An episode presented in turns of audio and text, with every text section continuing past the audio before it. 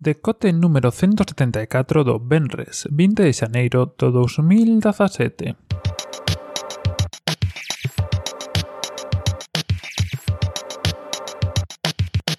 Bos días e benvidos a este novo decote nesta edición que regresa despois de bastante tempo sin tela por aquí que esta especie de miscelánea dos Benres e así pois vamos a facer o, o que toca que un pequeno repaso de todo o que fomos deixando estos, estas semanas e meses incluso atrás.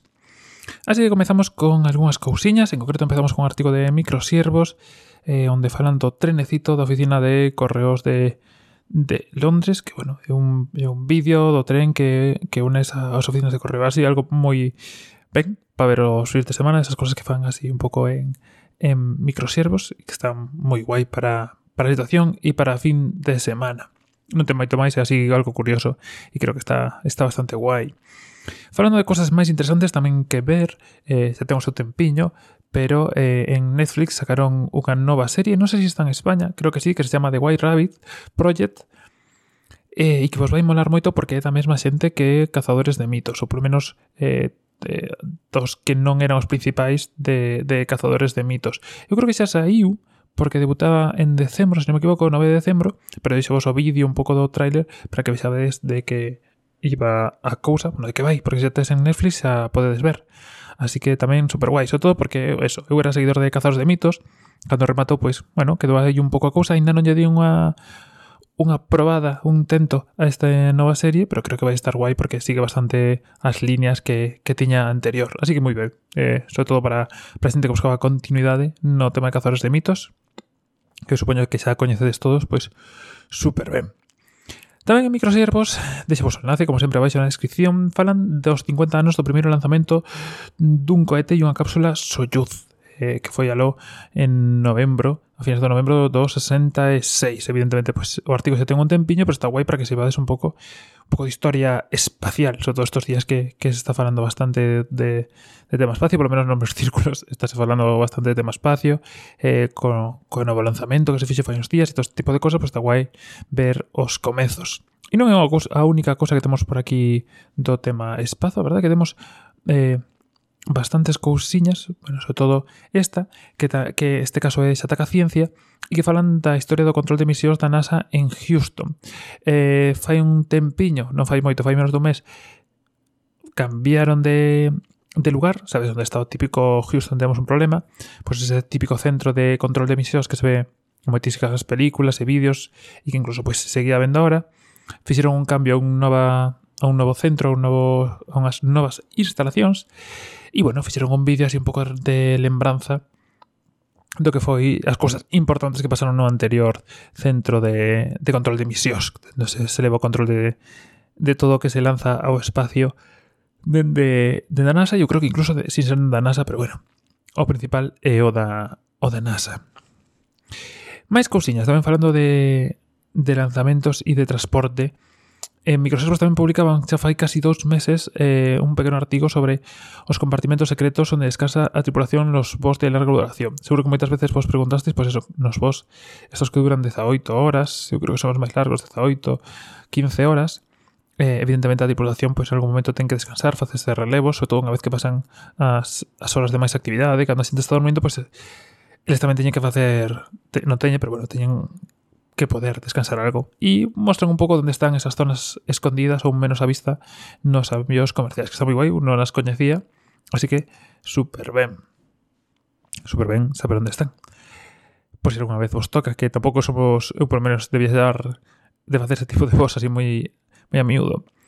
Outras cousas que tamén saíron fai un tempo foi os premios Bitácoras 2016. Xa non sei se si, si estos premios cheguen ter tanto interese como tiñan no seu momento. Creo que internet se avanzou e se fixo moito máis grande como para que estos teñan todo o peso que tiñan antano. Pero bueno, están aí. Eh, Y seguro que descubrirás blogs y, y, sitios de red. Yo creo que ahora se tienen todo tipo, tamén o mellor Twitter e, e mellor de todo, se si non me equivoco. Pero bueno, que estés aí para botarlle un ollo e quizá descubrides algún blog interesante novo de dunha afición que tedes por aí perdida. Máis cousiñas. E xa pechando, pois temos tres cousas así máis grandes. Eh, A primeira, un pouco anecdótica, que, que xa se pode mercar en España desde fai apenas unha semana o libro de Designed by Apple in California, que si non vos sabes este, este libro onde basicamente vai de fotos de todos os produtos Apple durante todos os anos e como foron evolucionando, que un, un libro así sinxeliño de fotos, cun prezo bastante elevado, que ata fai pouco non se podía mercar en España, pois agora xa se pode mercar, supoño que estaba reservando aí esos 100, 120, 130 euros que costa para mercar o libro, así que adiante, non vos cortedes. Outra cosa tamén interesante e que xusto eh, estive facendo antes de poñerme a gravar que foi a Liga de League of Legends Europea, que xusto empezou onte, onte sí, para, para vos, eh, con encontros xa interesantes como H2K contra Origen, que é o equipo español, e G2 contra Fnatic, que son pues, os dous equipos que máis eh, sprints, é dicir, que máis eh, ligas, por decirlo así, eh, gañaron. Bastante interesante.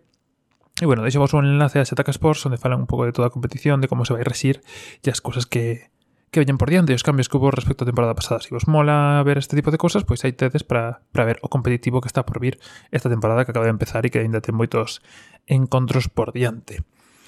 E eh, pechando un, entrada que atopei en geek.com, en geek.com, que me pareceu mega interesante, sobre todo a e eh, a xente que empece ahora un pouco con Star Wars despois de tanto tempo sin sin estar por aí, é dicir, que empeza agora pois co película co episodio 7 e con Rogue One, pois é un, un post bastante longo onde explican todo o que é Canon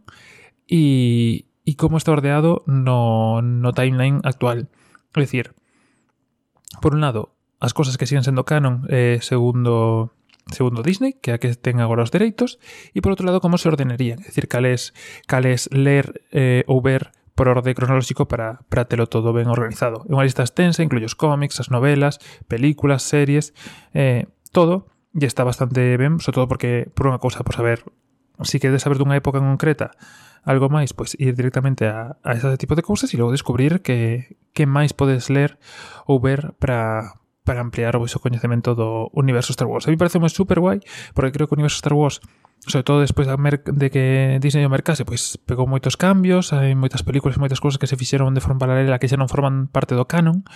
e para poder montarse teorías guapas, destas que hai agora co, con quen somos pai de rei e todo este tipo de cousas, eh, pois pues está moi ben. Eh, eu desto creo que algunha cousiña eh, sacarei en limpo para ler sobre todo, E pouco máis, como sempre, vamos quedar ou quedamos todos os enlaces na descripción, eh, onde tedes un enlace a podcast.algay.net onde ir e ver todas as cousiñas ordeadas co seu enlace e a descripción. E pouco máis, eh, calquer cousiña que queras contactarme, todas as redes sociais disponibles no blog en podcast.org.net onde tes toda a información e enlaces de hoxe e outros días. E nada máis eh, por hoxe. Vémonos de novo o luz no mesmo sitio e a mesma hora si todo vai ben. Un saúdo e ata luz.